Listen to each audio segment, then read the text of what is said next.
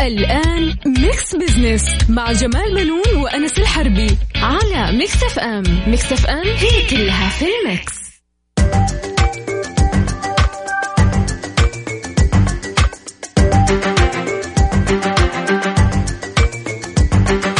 يسعد مساكم وأهلا وسهلا فيكم في Mix Business. معكم أخوكم أنس الحربي وألف سلامة على زميلنا أستاذ جمال. إن شاء الله يرجع لنا بالسلامة. آه فاقدين حفقد في الحلقة هذه اليوم. اليوم عندنا في Mix Business كالعادة برنامج يتناول القضايا الاقتصادية. ونبسط لكم رؤية 2030 بحيث تكون أسرع فهما وهضما. نبدأ آه من آخر الأخبار والمتعلقة بتمديد العمل. بالإجراءات الاحترازية مدة 20 يوم إضافية للتجمعات البشرية. كمان عندنا إيقاف آه، الأنشطة والفعاليات الترفيهية وإغلاق دور السينما وتعليق تقديم خدمات الطلبات الداخلية في المطاعم والمقاهي بدءا من الساعة العاشرة من مساء يوم الأحد ليكون الإجمالي 30 يوم قابلة للتمديد هالإجراءات يا جماعة جات لحماية المجتمع من انتشار فيروس كورونا ويتطلب من الجميع. من الجميع التعاون والتجاوب لحين انتهاء هالأزمة إن شاء الله بإذن الله. الله يعديها على خير يا رب. أما الموضوع الأبرز اليوم هو أن العاصمة السعودية الرياض تستعد لتشغيل المترو في النصف الثاني من هالعام وهو حدث سوف ينقل الرياض ضمن مصاف الدول العالمية وتنوع خيارات النقل الداخلي. آه قطار الرياض معروف بمسمى مترو الرياض وهو جزء من مشروع الملك عبد العزيز للنقل العام بمدينة الرياض يتكون من القطارات والحافلات ويتم إنشاء ستة خطوط مترو رئيسية تخترق العاصمة السعودية الرياض من جميع الاتجاهات وتقدر سرعته ب 80 كيلومتر في الساعة. طاقة الاستيعابية تصل إلى مليون ومية وستين ألف راكب يوميا ويضم 85 محطة بتكلفة تبلغ 22 مليار و500 ألف دولار. وتتضمن ست مسارات. المسار الأزرق يبلغ 38 كيلومتر والمسار الأحمر أكثر من 25 كيلومتر والمسار البرتقالي نحو 41 كيلومتر والمسار الأصفر أكثر من 29 كيلومتر والمسار الأخضر نحو 13 كيلومتر والمسار البنفسجي نحو 30 كيلومتر.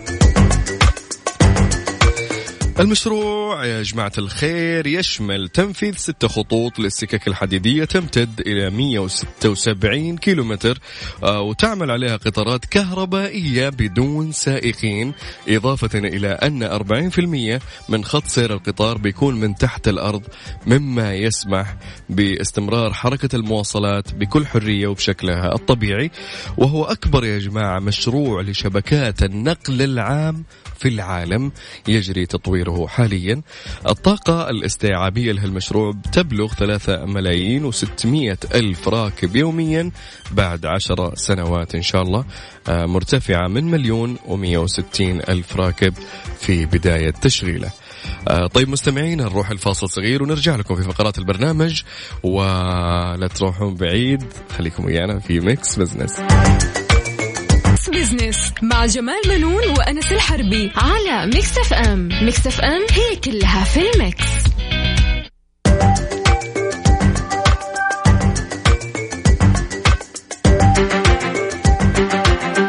مستمرين معاكم في Mix Business و لازم اكلش على الهواء.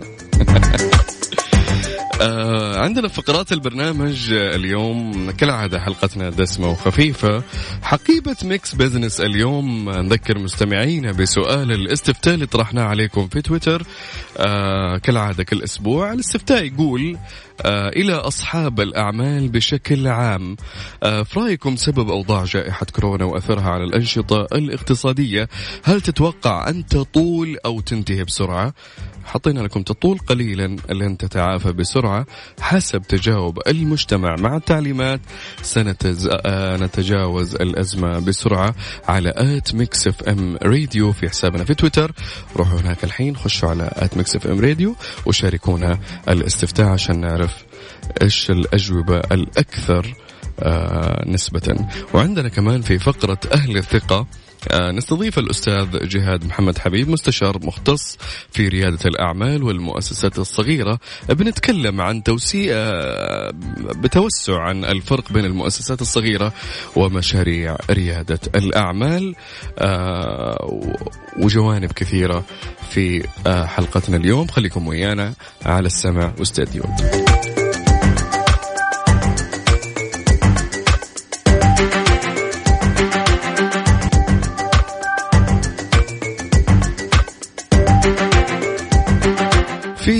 عالم الأعمال في فرق بين صناعة الثروة وتوليد دخل مستمر والكثير من الناس ما يفرقون ما بين المشاريع الصغيرة وبين مشاريع ريادة الأعمال ومتى ما تم فهم هالمعادلة نجح المستثمرين الصغار. آه، بنتحدث بتوسع حول هالموضوع مع الأستاذ جهاد محمد حبيب آه، مستشار متخصص في ريادة الأعمال والمؤسسات الصغيرة وبنتكلم عن الفرق بين المؤسسات الصغيرة ومشاريع ريادة الأعمال. مرحبا أستاذ جهاد. أهلا وسهلا تحياتي لكم وللمتابعين والمتابعات وإن شاء الله أوفق في تقديم الفائدة المرجوة من هذا بإذن الله. آه، أستاذ جهاد لماذا يحدث آه، هذا الخلط بين المؤسسات الصغيرة ورواد الأعمال؟ غالبا يحدث هذا الخلط. آه صحيح آه بس آه قبل الإجابة على هذا السؤال يعني فضل. لازم نتطرق على أصل كلمة ريادة الأعمال نعم. اللي هي في الأصل كلمة انتربرنور اللي هي فرنسية الأصل وتعني الشخص الذي يشرع في عمل تجاري. فنقدر نقول إنه في تعاريف كثيره لريادة الأعمال وكلها تشترك إن ريادة الأعمال عبارة عن إنشاء عمل حر يتسم بالإبداع والابتكار ويتصف بالمخاطرة المالية. فلو جينا على الجانب الآخر نجد أن هنالك برضه تعريفات كثيرة للمنشآت الصغيرة والمتوسطة. وكلها تكمن إنه أنها مشاريع آه، قليلة عدد العمال ويكون رأس المال وإيراد المبيعات منخفض. فهذا المدخل للإجابة على السؤال إنه هناك في خلط بين المنشآت الصغيرة وريادة الأعمال. فنجد إنه في بعض الكتابات آه، في ريادة الأعمال والمنشآت الصغيرة إنها بتحمل نفس المعنى. إلا أن المفهومين متقاربين ويحمل خصائص متشابهة ولكن يجب أن نراعي انه هناك في من ثلاثة إلى أربع فوارق. كما اوضحها يعني عالم الإدارة بيتر دراكر واللي أكد عليه بالمناسبة أستاذ أستاذ الدكتور أحمد الشميمري والدكتورة وفاء المبيريك في كتاب ريادة الأعمال نسخة عام 2016 آه إنه ريادة الأعمال تهدف إلى عمل ثروة مستمرة ودائمة. آه بينما نجد أن المشاريع الصغيرة تهدف إلى عمل دخل يرضي صاحبه باستمرارية بحيث يكون أكثر أو مثل دخل الوظيفة وممكن أحيانا يكون أقل. آه نيجي على الفرق الثاني آه بناء الثروة في العمل الريادي يعني يتم في في زمن قصير. بينما بناء الثروة في المشروعات الصغيرة يكون في وقت زمني طويل. آه والجانب الثالث في الفروقات آه تتصف ريادة الأعمال بالمخاطرة المالية العالية. بالمغامرة. وهذا ما يفسر المغامرة صحيح. وهذا ما يفسر الثمن مقابل الثراء. آه بينما نجد على الجانب الآخر أن المنشأة الصغيرة آه المخاطرة المالية العالية ما يعتبر آه يعني يكون جدا صغير. يكون حذر أكثر. آه آه صحيح. آه الفرق الأخير اللي هو العمل الريادي يتميز بالإبداع والابتكار وهذا عادة يحول الأفكار إلى خدمات ومنتجات مربحة آه تخلق الثروة. آه بينما المنشآت الصغيرة يقل فيها الإبداع والابتكار بحيث أنها تقدم منتجات تقليدية واعتيادية. صحيح. طيب أستاذ جهاد هل تعتقد أن سبب فشل هالمشروعات في بدايتها آه سبب أن المستثمر غير قادر فهم وضعه؟ آه صحيح هذه هذه من أحد الأسباب. آه وفي عناصر كثير لأسباب آه عدم نجاح المشاريع الصغيرة. آه طبعا أحيانا يكون المستثمر أو رائد العمل أو صاحب الفكرة متعلق عاطفيا بفكرة مشروعه الصغير وما درسها على أرض الواقع آه بطريقة اقتصادية. فيعني كثير من يعني من رواد الأعمال يهملوا جانب إنه يكون ملم في مجالات متعددة. منها المالية عشان يفهم العمليات المالية. الاقتصاد إدراك حركة العرض والطلب في السوق ودراسة الجدوى للمشاريع حق الاقتصادية. آه التسويق معرفة استراتيجيات التسويق للمشروع ودراسة السوق. الإدارة تفعيل خصائص الإدارة. آه من استراتيجيات من تخطيط. بس أنا ممكن أحصرها إنه عدم نجاح المشاريع الصغيرة آه للمستثمرين أو رواد الأعمال تكمن في شقين. عوامل داخل المنشأة اللي هي ضعف الإدارة قلة الخبرة الإهمال آه عدم وجود دراسة قبل إنشاء المشروع. أحيانا يكون في إجراء توسعات غير مخطط لها في المشروع. صحيح وبناء خيالات آه غلط. يعني بعضهم يتخيل إنه و... مشروع بيكسر الدنيا واخرتها ينصدم بالواقع لأنه ما في تخطيط. نعم وبالإضافة إنه عدم معرفة كيفية إدارة وتشغيل تشغيل المشروع الصغير. مم. أما لو أجي على الجانب الآخر اللي مم. يكمن في العوامل خارج المنشأة آه، أحيانا يكون تعرض لقوة منافسة عوامل اقتصادية ركود اقتصادي آه، مشاكل تمويلية صعوبة حصول على تمويل آه، المنافسة بشكل كبير في هذا القطاع اللي يكون المستثمر يحتاج إنه يدخل فيه نقص المعلومات والبيانات في السوق نقص العناصر البشرية أحيانا آه، تضخم الأسعار يأثر آه، وبعض أحيانا الاشتراطات الحكومية يعني ممكن تأثر في بعض المشاريع. جميل. طيب أستاذ جهاد بناخذ هالسؤال وبعدها بنطلع فاصل، متى بدأ الاهتمام برواد الأعمال؟ آه سؤال مهم وأشكرك عليه آه يعني لو تكلمنا عن الخلفية التاريخية الاقتصادية لريادة الأعمال هي عدت بعدة مراحل آه يعني مراحل بدأت قبل رياده الأعمال وأنا أحب إني أتدرج تاريخيا فيها. آه يعني أقدر أقول إنه بين عام 1723 و 1790 ميلادي ظهرت يعني عدة كتابات ومنها كتابات عالم الاقتصاد الإسكتلندي آدم سميث اللي كان عنده كتاب ثروة الأمم وهذا الكتاب آه يعني كان لي آه كان لي أهمية كبيرة فأصبحت الأهمية الاقتصادية بعد هذا الكتاب وبعد هذه الثروة في كيفية جعل الاقتصاديات غنية اقتصاديات الدول. آه ظهرت النظريات الاقتصادية بعد واللي, واللي قادت إلى تغيرات كبيرة في نهوض الدول وازدهارها. بس نقدر نقول إنه بداية عام 1880 ميلادي تحول تركيز علم الاقتصاد من من اقتصاد كلي إلى التركيز الأكبر على الاقتصاد الجزئي على المنشآت الصغيرة. وبعدها بدأ التوجه نحو ريادة الأعمال ممكن أقول إنه في أوائل القرن الحادي والعشرين. آه حيث أنه بلغت الإحصائيات أن كثير من من يؤسسون مشروعاتهم من المستثمرين الجدد آه الذين لم يسبق لهم مزاولة نشاط تجاري يلعبون دورا كبير في صياغة الاستثمار حيث يقدمون صحيح. منتجات مبتكرة وخدمات جديدة وهذه تؤثر في الناتج المحلي. هو كل ما قدمت ف... خدمات حتى لو ما كان عندك خبرة في ممكن مستثمرين يدعمون هالخدمة إذا كانت آه، قوية أو جديدة. آه، بالإضافة أن التعليم العالي في أوروبا آه، بين عام 1998 و2003 ميلادي. تبنى مفهوم الجامعات الريادية كرغبة في زرع ثقافة الابتكار. وأخيرا أقدر أقول إنه عام 2005 أصبح حوالي 80% من جامعات الولايات المتحدة الأمريكية. لديها مراكز ريادة أعمال وزادت النسبة إلى 85% في عام 2010 واو. فهذه يعني ممكن أعتبرها هي بداية آه، تاريخ ريادة الأعمال التاريخ ال ال الاقتصادي لريادة الأعمال. ممكن أنا أقدر أقول إنه ثروته بدأت من عام 2010 2010 من 2005 من 2005 ممتاز. طيب أستاذ جهاد اسمح لنا فاصل ونرجع نكمل معك الحوار. بس. يعطيك العافية. مستمعينا فاصل قصير وراجعين. خليكم ويانا. بنكمل آه، مع أستاذ جهاد. بنتكلم عن الفرق بين المؤسسات الصغيرة ومشاريع ريادة الأعمال. خليكم ويانا. مستمرين معاكم آه، مستمعينا في ميكس بزنس. آه، أهلا فيكم من جديد. معنا الأستاذ جهاد محمد حبيب مستشار متخصص في ريادة الأعمال والمؤسسات الصغيرة. مرحبا من جديد أستاذ جهاد. أهلا بك. نتابع مستمعين الحديث عن الفرق بين المؤسسات الصغيرة ومشاريع ريادة الأعمال. آه، أستاذ جهاد كيف تقيم آه، أنشطة رواد الأعمال عندنا هنا في السعودية؟ طبعا في المملكة العربية السعودية يوجد نشاط مميز لرواد الأعمال حقيقة. نعم. وهم يعني يعتبروا ثروة للمجتمع لإضافتهم الإيجابية في الناتج المحلي. آه لكن يعني يجب أن نفرق أن ليس كل صاحب منشأة صغيرة هو رائد أعمال. آه, آه، كما ذكرنا سابقا. صحيح. آه على سبيل المثال أنا أحب أضرب مثال في هذا الجانب.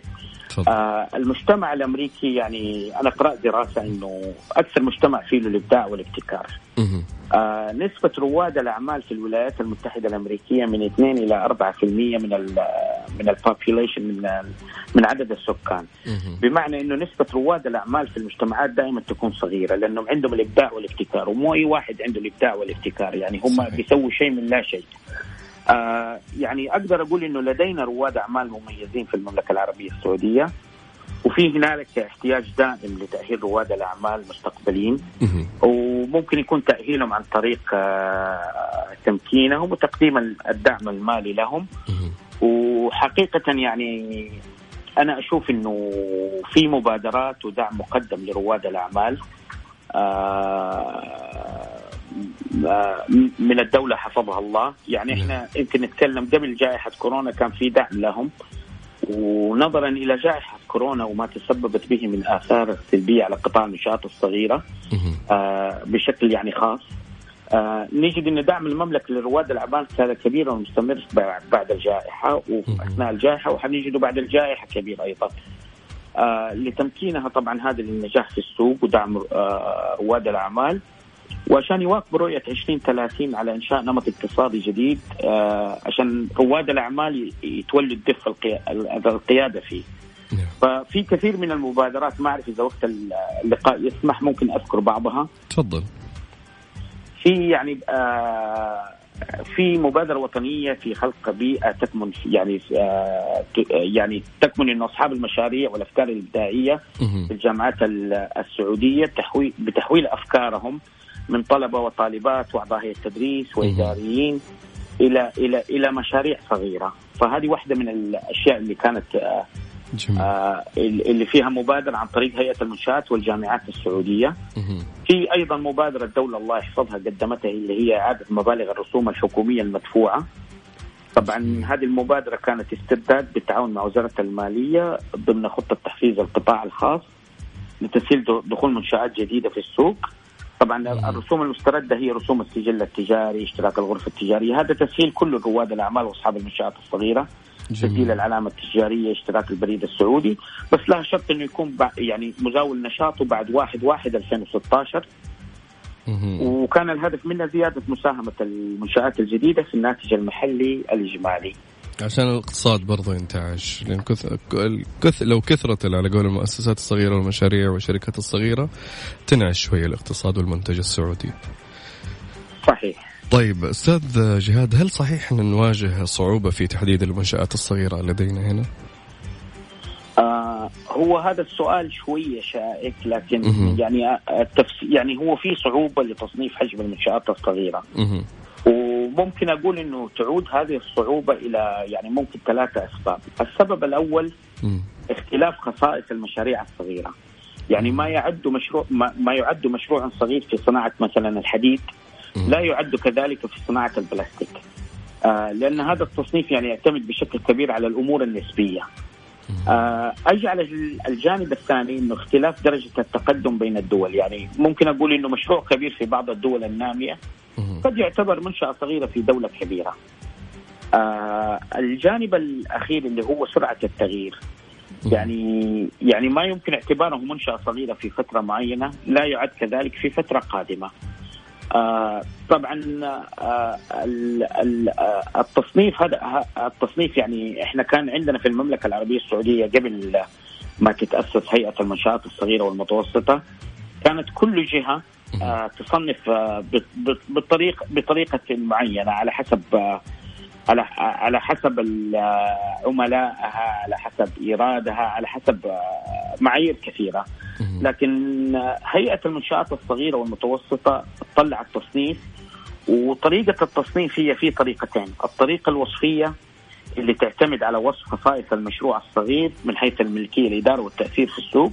آه يعني من مثلا استقلال الإدارة رأس المال آه حجم المشروع. لكن في الطريقة الإحصائية وهي اللي معتمدة في أكثر العالم في المملكة العربية السعودية هي المطبقة اللي تعتمد على إحصائيات دقيقة ويعتبر هذا الأسلوب أدق من الطريقة الوصفية اللي هي ثلاثة معايير عدد العمال رأس المال إيراد المبيعات. طبعا هنا إحنا في المملكة العربية السعودية التصنيف يتم على على عدد العمال وإيراد المبيعات. فأصبح في تصنيف موحد. صحيح. طيب بالتأكيد أستاذ جهاد الإبداع والابتكار هو من يضع أي نشاط استثماري في مساره الصحيح. انتهى وقتنا أستاذ جهاد. شكرا لمشاركتك. يعطيك ألف عافية. شرفتنا وأفدتنا وأثرتنا. الله يسعدك يا رب. الله يعطيكم العافية وتشرفت بالظهور معكم. شكرا لك. الله يسعدك. مستمعينا كان معنا الأستاذ جهاد محمد حبيب مستشار متخصص في ريادة الأعمال والمؤسسات الصغيرة. فاصل وراجعين وياكم خليكم ويانا ميكس بزنس مع جمال منون وأنس الحربي على Mix FM Mix FM هي كلها في الميكس.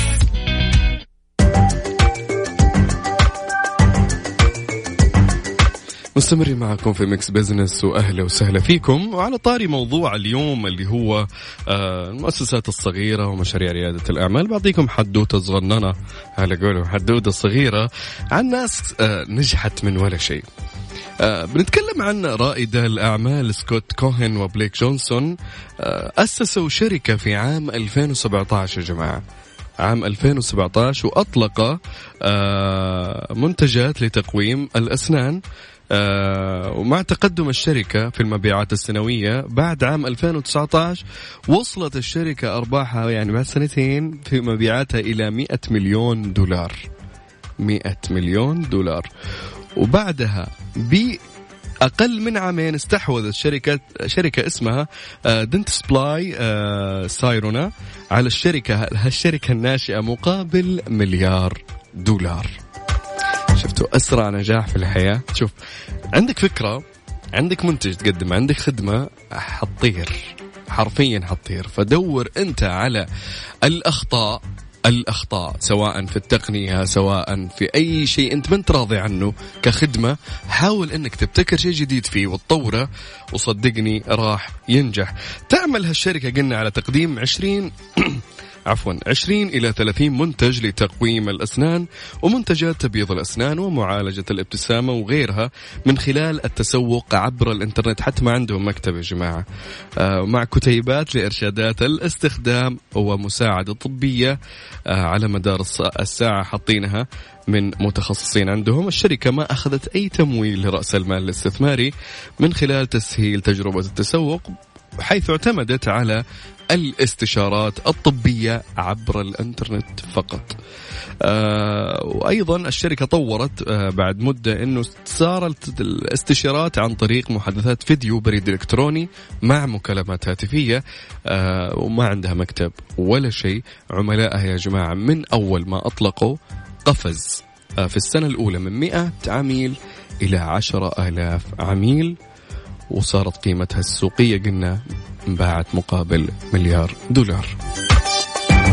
يعني دائما المشاريع الصغيرة ترى إذا في فكرة قوية إذا في خدمة أيا كان من المشاريع صدقني راح تنجح. صدقني. أنت بفكرتك لا, لا تجيب فكرة مكررة آه وتقول ليش ما نجحت؟ في عندك تنافس كبير. شوف فكرة ما حد درى عنها خدمة أنت ما أنت راضي عنها كشخص. تقول يا أخي يا ليت لو سووا كذا. لا هذه يا ليت هذه يقول أنا بسوي كذا عشان أفيد المجتمع ومنها تفتح لك مشروع. ميكس بزنس مع جمال منون وأنس الحربي على Mix FM Mix FM هي كلها في الميكس. على السريع في ميكس بزنس على Mix FM it's all in the mix وفي فقرة على السريع نستعرض هنا أهم الأخبار والأحداث الاقتصادية اللي حصلت. آه، أول خبر معنا يقول أرامكو تزيح مايكروسوفت وتستعيد المركز الثاني كأكبر شركة بالقيمة السوقية. تمكنت شركة أرامكو السعودية العملاقة للطاقة التي يديرها الدولة خلال أسبوع من استعادة المركز الثاني بين أكبر الشركات في العالم من حيث القيمة السوقية آه، ودفع تقدم أرامكو شركة مايكروسوفت الأمريكية العملاقة للتكنولوجيا إلى التراجع للمركز الثالث مع استمرار حفاظ شركة أبل على رعايتها آه، في أو ريادتها في العالم آه، على المركز الأول. عندنا الخبر الثاني يقول الدرعية تكشف عن التصور المستقبلي للكود العمراني لوادي حنيفة وروافده. كشفت هيئة تطوير بوابة الدرعية عن تصورها للكود العمراني آه، لوادي حنيفة وروافده اللي تم إطلاقه قبل أكثر من أربع أشهر عن العديد في الخيارات المميزة والحديثة اللي تتناسب مع البيئة الطبيعية وتمتزج بالسمات اللي تعزز الهوية المعمارية النجدية بطراز حديث بما يضمن الاستفادة القصوى من مقوماتها وامكاناتها ويبرز الثقافة والمعمار النجدي المميز لعاصمة الدولة السعودية الأولى التي تعد امتدادا لتاريخ المملكة العربية السعودية وبين المقطع المرئي الذي تبثه الهيئة عن الشكل التخيلي للمباني السكنية والبيئه المحيطة بها مثل الشوارع والأرصفة والحدائق والمسارات المخصصة للمشاة وممارسي الرياضة مما يهدف إلى إيجاد تواصل إنساني واجتماعي فعال كون الدرعية واحدة من أهم مواقع التجمع الإنساني في العالم. وفي عنواننا الأخير آه، في قائمة على السريع بنك لتقديم حلول تمويلية للكيانات الصغيرة والمتوسطة آه، تعمل الهيئة العامة للمنشآت الصغيرة والمتوسطة منشآت على دعم نمو وتنافسية أكثر من 570 ألف منشأة صغيرة ومتوسطة تمثل نحو 99.6% من إجمالي عدد منشآت قطاع الخاص وتوظف أكثر من 60% من إجمالي لموظفي القطاع الخاص كما تحرص على خلق بيئة محفزة آه، وتخطط لإطلاق بنك المنشآت بتهديف آه، أو بهدف تعزيز وصولهم إلى حلول تمويلية منوعة ومناسبة من خلال تمكين الجهات المالية. الرئيسية من إتاحة خيارات تمويلية أوسع. أخبار جميلة للأمانة ومبشرة بكل خير. طب مستمعين نروح لنسبة وحسبة ونشوف الأرقام الصار فيها نسبة وحسبة في ميكس بزنس على Mix FM it's all in the mix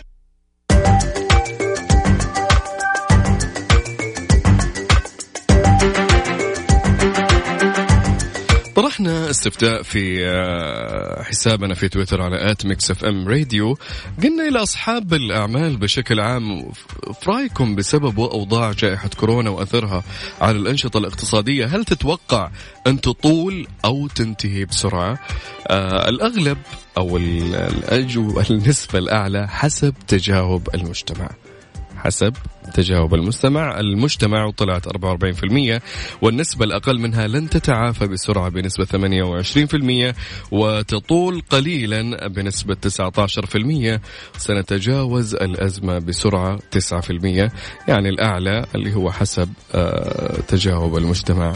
فإن شاء الله بإذن الله آه، مجتمعنا واعي بإذن الله آه، مجتمع الشباب آه، والناس يعني مهتمة بصحتها كثير وبالذات هالأيام ما شاء الله تبارك الله لكن على قولهم يا جماعة خفوا على قولهم من التجمعات الكثير وانتبهوا لنفسكم وانتبهوا لأهلكم الدولة ما قصرت سوت كل الاحتياطات والاحترازات وقفت وقف وقفه رجل واحد رجال الأمن رجال الصحة الكل آه، أخذ بيد بعضه وعشان هالأزمة تنتهي. فبإذن الله أنها تنتهي على خير. والله يحمينا يا رب ويحميكم. طيب مستمعينا إلى هنا نوصل ختام حلقتنا لليوم في ميكس بزنس إن شاء الله موعدنا. الأسبوع القادم يوم الأحد بنفس التوقيت من الساعة 2 إلى 3 معكم أنا أخوكم من خلف المايك وال control أنس الحربي. آه وحشني الله يا زميل أستاذ جمال. إن شاء الله يرجع لنا بالسلامة الأسبوع القادم أو اللي بعده. آه ننتظره أكيد طبعا. فنشوفكم إن شاء الله الأسبوع الجاي. في أمان الله.